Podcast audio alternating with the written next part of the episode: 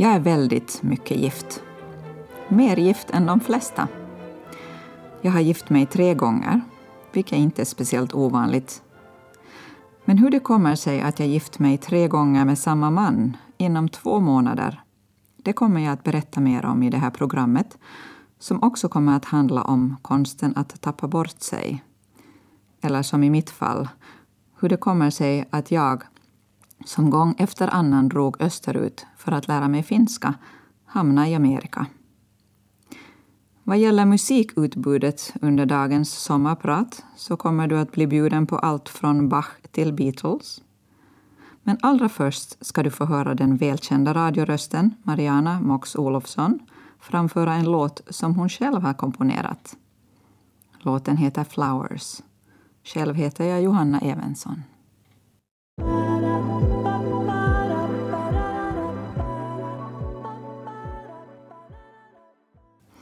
När jag var liten undrade jag varför min mormor hade pelargoner i fönstret. Hon var ju blind, alltså kunde hon inte se dem. Ändå gick hon där med trevande fingrar och sökte sig fram till krukans kant mot vilken hon försiktigt la sprutkannan som hon tippade just så mycket att blommorna fick se en liten skvätt vatten. Min mormor såg med sina fingrar. Hennes tidningar var stora vita ark fyllda med små upphöjda prickar som hon tydde med sina fingertoppar. Det fanns inga bilder i hennes tidningar. Men jag antar att hon såg bilderna för sin inre syn. Hon hade ju sett en gång i tiden. Då innan den obotliga sjukdomen gav sig på hennes synnerv och förvandlade hennes värld till ett mörkt töcken. Jag köpte nyligen tre pelargoner de är inte speciellt vackra och gott luktar de definitivt inte. Men när jag nu tittar in genom köksfönstret där jag ställt dem så är det pelargonerna i min mormors fönster jag ser. Köksfönstret ramar in det barndomsminne som jag klart och tydligt ser för min inre syn. Och jag gissar att det var av samma orsak som min mormor, sina blinda ögon till trots, måna om sina pelargoner för det hon inte kunde se med sina ögon, det kunde hon se genom att bläddra i sitt minnesarkiv.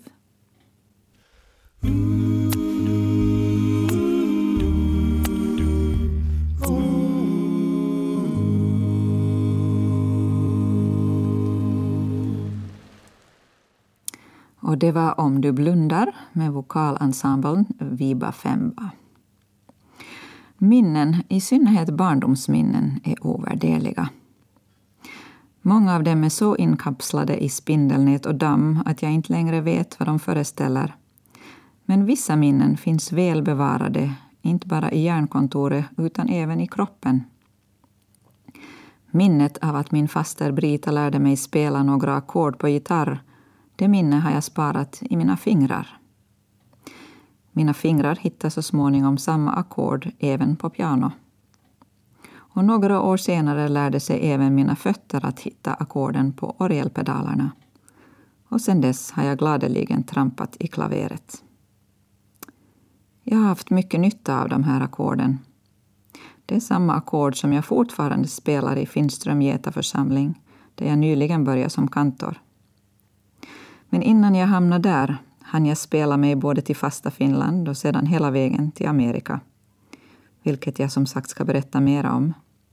Men först ska ni få höra den ungerska radiokören och Failioni-orkestern framföra Johann Sebastian Bachs Jesu bleibet meine Freude. Det här underbara stycket sjöngs på mitt bröllop. Ett av mina bröllop.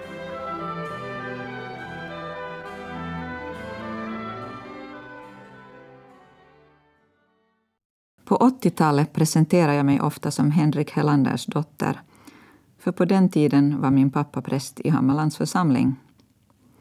Själv gick jag i Ålands Lyceum med sikte på att ta studenten. Men för att kunna ta studenten så måste man klara finskan. Och det var någonting av ett dilemma, för jag har inget språkhuvud. Faktum är att under de fyra åren jag bodde i Helsingfors, innan vi flyttade till Åland, så hade jag villkor i finska under två somrar. Men, tänkte jag, om jag ska leva och bo i Finland så måste jag lära mig det andra inhemska språket.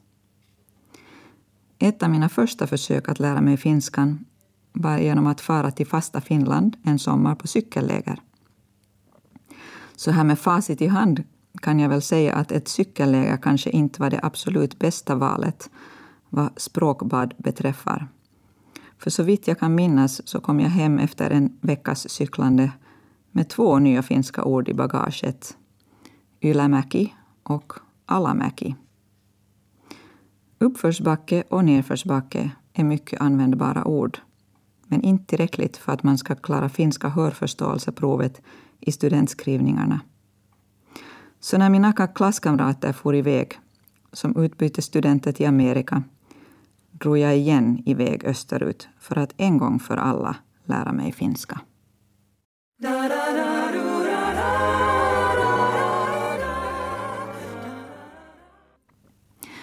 Och det var Rajatons version av Säkkijärven polka. Man skulle kunna tycka att den som placerat sig strategiskt i en finsk folkhögskola på den finska landsbygden skulle ha alla förutsättningar i världen att lära sig finska. Men som bekant är, är den finska befolkningen inte speciellt känd för att vara superpratsam. Min egen teori är att eftersom finskan är så full av långa ord och krångliga ändelser så är det så att ska man säga någonting på finska så måste det verkligen vara värt besväret. Själv hade jag inte heller så mycket att säga när jag kom till folkhögskolan i fråga. Men det berodde mest på att jag inte kunde säga så mycket annat än ja, Ylämäki och Alamäki. Men som tur var hade jag någonstans även lyckats snappa upp uttrycket ”jag har tappat bort mig” på finska vilket jag fick användning för när jag en eftermiddag var ute och joggade i de för mig okända markerna. Jag hade väl fortfarande irrat omkring i de där finska urskogarna om det inte varit för en snäll familjefar som körde mig tillbaka till folkhögskolan efter att jag rödflammig och anfodd ringde på en dörr och flåsa ”Olen eksynyt”.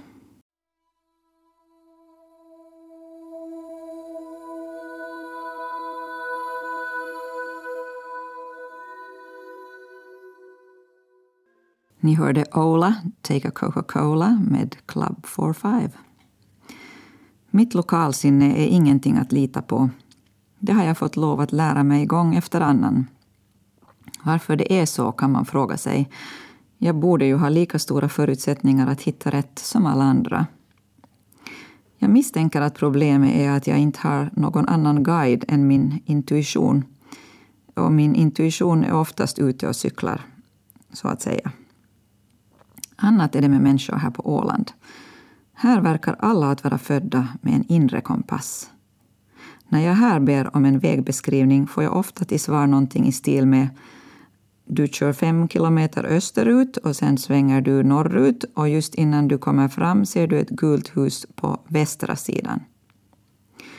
För det mesta är jag för generad för att våga erkänna att jag inte har en aning om åt vilket håll västerut ligger.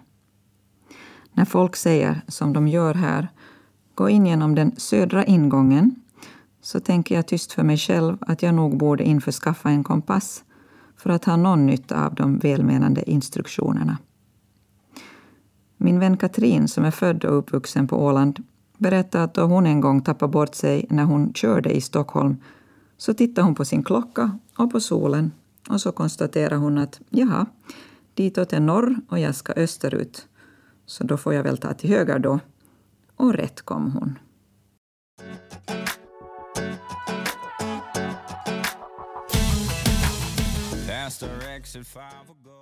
Lost in the middle of nowhere med Kane Brown och Becky G.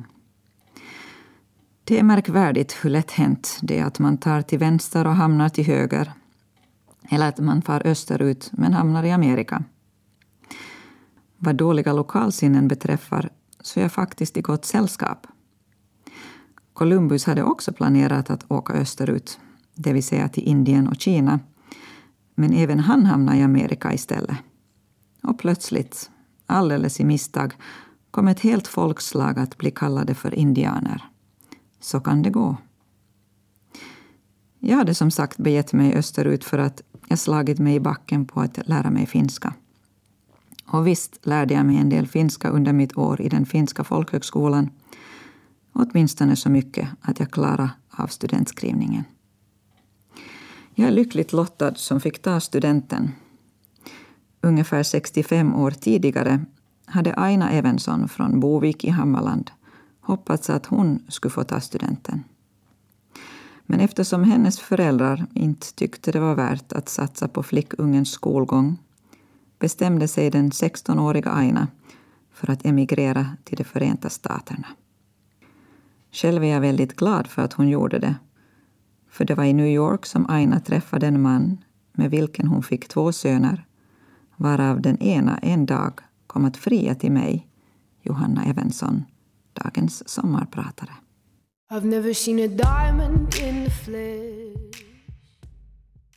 Det var Royals med Lord. Att hitta sin väg, inte bara ute till havs eller i de finska skogarna, utan även i livet, kräver också någon form av karta och kompass. Kanske det var de där tre ackorden som hängt med genom åren, plus en nypa äventyrslust, som fick mig att ett par efter, års efter studenten fråga vår familjebekant Bruce Evenson om han skulle kunna hjälpa mig att hitta en skola i New York där jag skulle kunna studera musik. Det här var långt innan internetets glada dagar, så den snälla Bruce, som jag träffat då han kommit till Åland för att hälsa på sina sommarålänningar till föräldrar, ställde upp som min personliga sökmotor. Vi kommunicerade genom att skriva gammaldags handskrivna brev till varandra. Det tog cirka tio dagar för ett brev att ta sig över Atlanten på den tiden, så vår dialog var både utdragen och långsam. Fördelen var att vi verkligen hann fundera på vad vi ville säga till varandra. Ingen av oss kan beskyllas för att ha kommit med några förhastade kommentarer. I början var breven mycket formella. Men under korrespondensens gång hände det att breven blev allt mer personliga. Efter några månaders brevväxling var det inte längre bara min utbildning det handlade om. Våra respektive framtidsdrömmar vävdes in mellan raderna tills vi så småningom i klartext vågade uttrycka våra innersta känslor.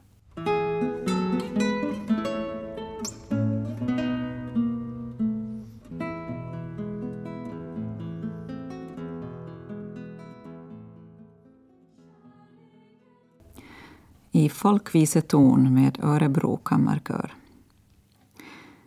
Nio månader efter att jag skrivit mitt första brev till Brus stod jag på New Yorks flygplats och såg min prins rida in på sin vita häst. Ja, det var vad jag såg, trots att hästkrafterna i det här fallet låg gömda under motorhuven. Att sen få se New York på riktigt var någonting av en chock. Som bekant är det man ser för sin inre syn oftast mer imponerande än verkligheten.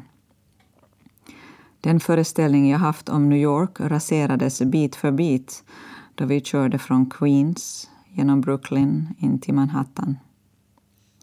Under nio månader hade jag stirrat mig nästan blind på ett vykort föreställande New York by night.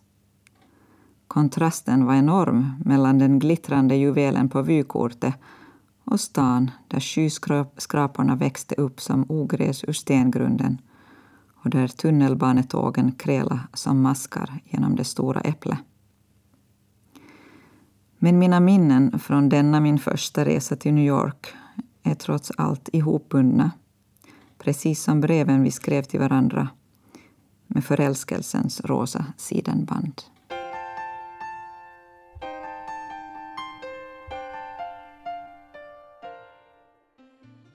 Du hörde Kenny Rogers version av You are so beautiful. Det har blivit många resor fram och tillbaka över Atlanten för min del.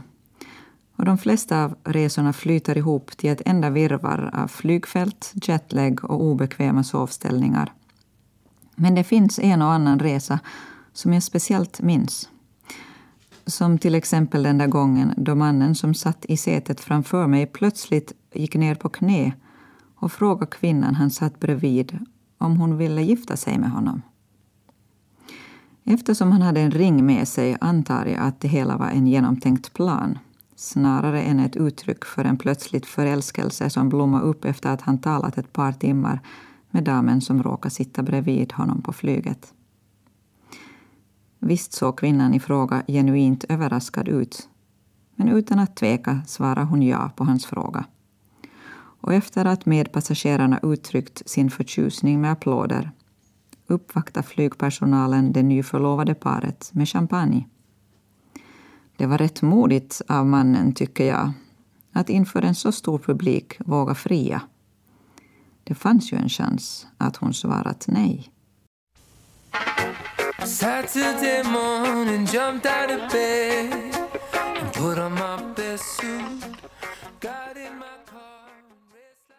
Och det var Magic som framförde sången Rude. Efter att ha brevdejtat i nio månader och sedan tillbringat nio dagar tillsammans i New York fria brus till mig på 86 våningen i Empire State skyskrapan. Jag vill minnas att han sa ”Vill du gifta mig?”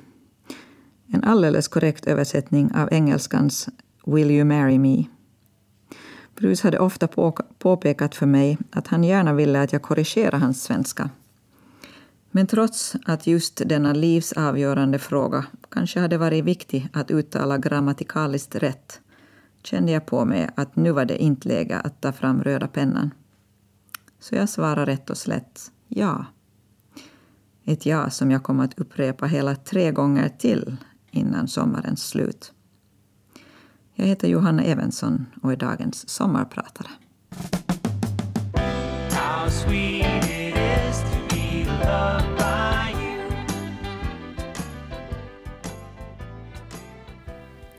How Sweet It Is med James Taylor. Efter förlovningen i New York började vi förbereda bröllopet nästan omedelbart. Vi återvände till Åland där vi kom överens om att vi skulle gifta oss i slutet av sommaren. Inbjudningarna skickades ut. Den gamla Lucia-klänningen syddes om till brudklänning. Smörgåstårtor beställdes och allt verkade klappat och klart ända tills vi sent omsider fick veta att vi inte kunde som vi planerat lämna Finland dagen efter att vi gift oss. Myndigheterna behövde mer än ett dygn på sig för att ändra mitt civilstånd, vilket var en förutsättning för att jag skulle kunna flytta till New York.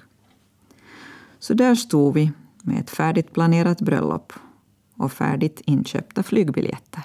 Help, Help med Beatles. Nöden har ingen lag, heter det, men i det här fallet var det faktiskt så att vi fick anpassa oss efter den föreskrivna lagen. Följaktligen återstod bara en lösning, nämligen att vi gifte oss innan vårt bröllop. Det råkar faktiskt vara imorgon, den 3 augusti, som jag för första gången gifte mig med min man. Vigseln ägde rum för 32 år sedan i ämbetshuset i Mariehamn. Ceremonin gick av stapeln inför behörig myndighetsperson och två sekreterare som kallats in som vittnen. För att fira händelsen gick vi efteråt till kaféet som på den tiden låg på andra våningen i Seipels. Där åt vi Ålandspannkaka. Lyckligt ovetande om att en notis om vårt giftermål skulle automatiskt komma i tidningen nästa dag. Följande dag gick telefonen varm. Skulle inte ni gifta er den femtonde? Skrev ni fel på inbjudningskorten? Förbryllade släktingar och vänner stod med telefonluren i ena handen och tidningen i den andra. Det här var som sagt innan man med ett enda klick på datorn kunde nå hela sin bekantskapskrets. Nåväl, efter ett antal telefonsamtal var saken uppklarad och den 15 augusti 1987 gifte vi oss i Hammarlands kyrka, på riktigt, för andra gången. Nu återstod bara ett till bröllop.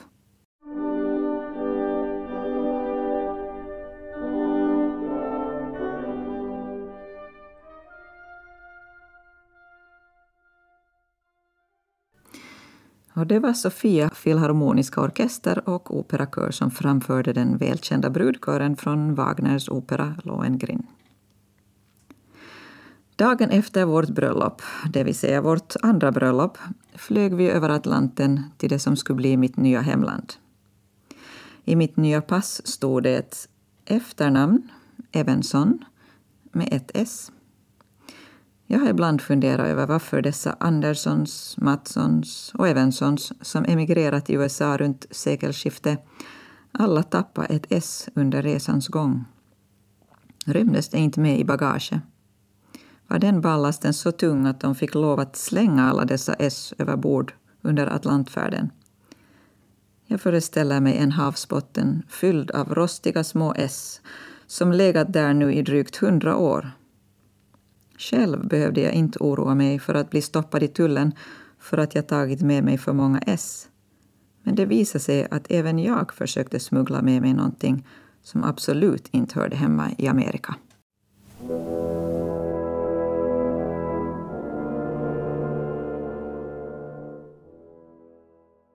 Ni hörde valda delar ur Largosatsen i Dvořáks New World Symphony framförd av den slovakiska radioorkestern. Ganska snabbt efter att jag kommit till den nya världen upptäckte jag att New York-borna tittade lite konstigt på mig. Som om de undrar men vad håller du på med? Då jag på skandinaviskt vis lät dem förstå att jag absolut inte trodde att jag var något bättre än någon av dem och att jag för all del inte hade för avsikt att dra till mig någon uppmärksamhet. Hur förklarar man för en amerikan vad jantelagen är för någonting? Och hur förklarar man för en jante att hen inte är välkommen att hänga med överallt? Vad då, undrar en sårad jante, jag som är så ödmjuk och tillbakadragen. Ja, men det är just det som är felet, Jante. Du passar inte in bland alla de här oförskämt frimodiga människorna som utan att be om ursäkt kliver fram och säger Se på mig.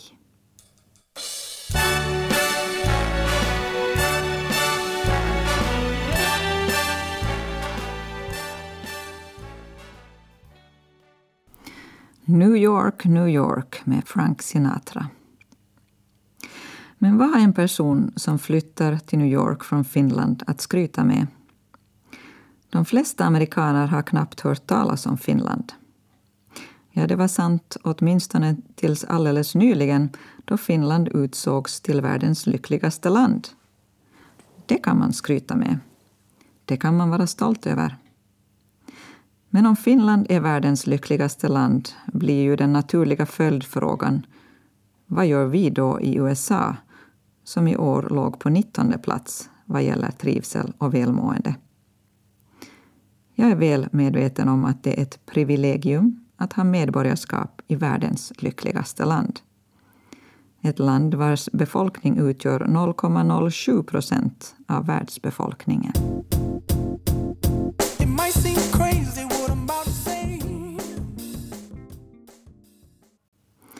Och det var Pharrell Williams i Happy. Vad som gör Finland till världens lyckligaste land, det hade skrivits en hel del om. Men vad är det som gör Åland till just den speciella plats som Åland är? Efter att ha haft förmånen att bo både på den ena och den andra kanten av Atlanten kan jag konstatera att samma vatten som sköljer in över Amerikas stränder även kluckar vid Boviksjön. Månen sjunger sitt tysta solo för oss både på Åland och i USA och samma tre ackord klingar här som där. Livets upp och nedförsbacka kommer man inte ifrån var man än bosätter sig. Men det finns någonting som är speciellt för just Åland. Någonting som den som bor i New York inte kan skryta med.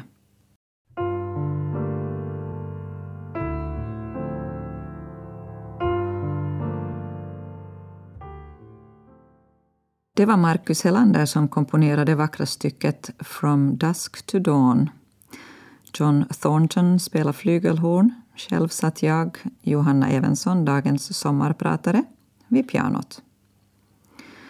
På 80-talet, då jag bodde i Hammarlands prästgård, presenterade jag mig ofta som Henrik Helanders dotter. Idag, 35 år senare, presenterar jag mig ofta som Marcus Helanders stora syster. Här på Åland har jag nämligen lärt mig att det är viktigt att kunna förklara på vilket sätt man ingår i sammanhanget. Det är minst lika viktigt som att ha koll på väderstrecken. Kan man hävda ett släktskap eller en historia som förankrar en till Åland, då sammanflätas man med de andra trådarna i det osynliga skyddsnät som i bästa fall skyddar en från utanförskap. Det är något som New York-borna knappast kan stoltse, stol det är något som New York-borna knappast kan stoltsera med. I en stad med drygt åtta miljoner invånare försvinner man lätt i mängden till skillnad från hur det är här på Åland där alla utgör en viktig pusselbit. Här hör vi ihop. För många år sedan, då min svärmor Aina och svärfar Sven skulle fara på sin årliga semester från New York till Åland, hände det sig att när de kom till flygplatsen upptäckte de att de lämnade sina pass hemma i lägenheten. Optimistiskt svarade min Ålandsbördiga svärmor då passkontrollanten bad om att få se deras pass. Äsch, inte behöver vi några pass. Vi ska till Åland.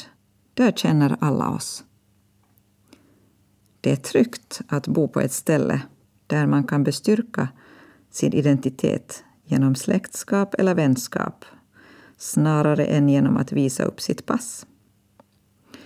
För övrigt slutade den historien med att svärfar i ilfart fick åka taxi tillbaka till lägenheten för att hämta passen.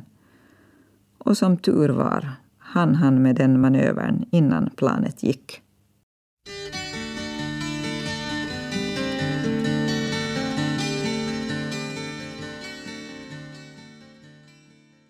Men på tal om att flyga iväg, vilket ni just hörde John Denver sjunga om i I'm living on a jet plane, så undrar säkert ni som snällt har lyssnat till min vindlande historia vad som hände med bröllop nummer tre. Jo, så här var det. Att då vi kom till New York efter att ha gift oss ett par gånger på Åland så visade det sig att det fanns en hel del människor i Brus amerikanska bekantskapskrets som väldigt gärna kommit på bröllop till Finland om de bara haft råd och möjlighet att ta sig dit. Så nu frågar jag dig, kära rationella lyssnare. Vad är lättare? Att forsla 200 amerikanska gäster till ett eller två bröllop i Finland? Eller att forsla ett stycke brudpar till gästerna? Ja, det var precis det vi också kom fram till så därför stod vi den 26 september 1987 återigen framför en präst, den här gången i en kyrka på Manhattan, och lovade varandra evig trohet. Även om det å ena sidan börjar bli en aning tjatigt att svara ja på samma fråga kan man å andra sidan konstatera att vi vid det här laget kunde våra repliker ganska bra.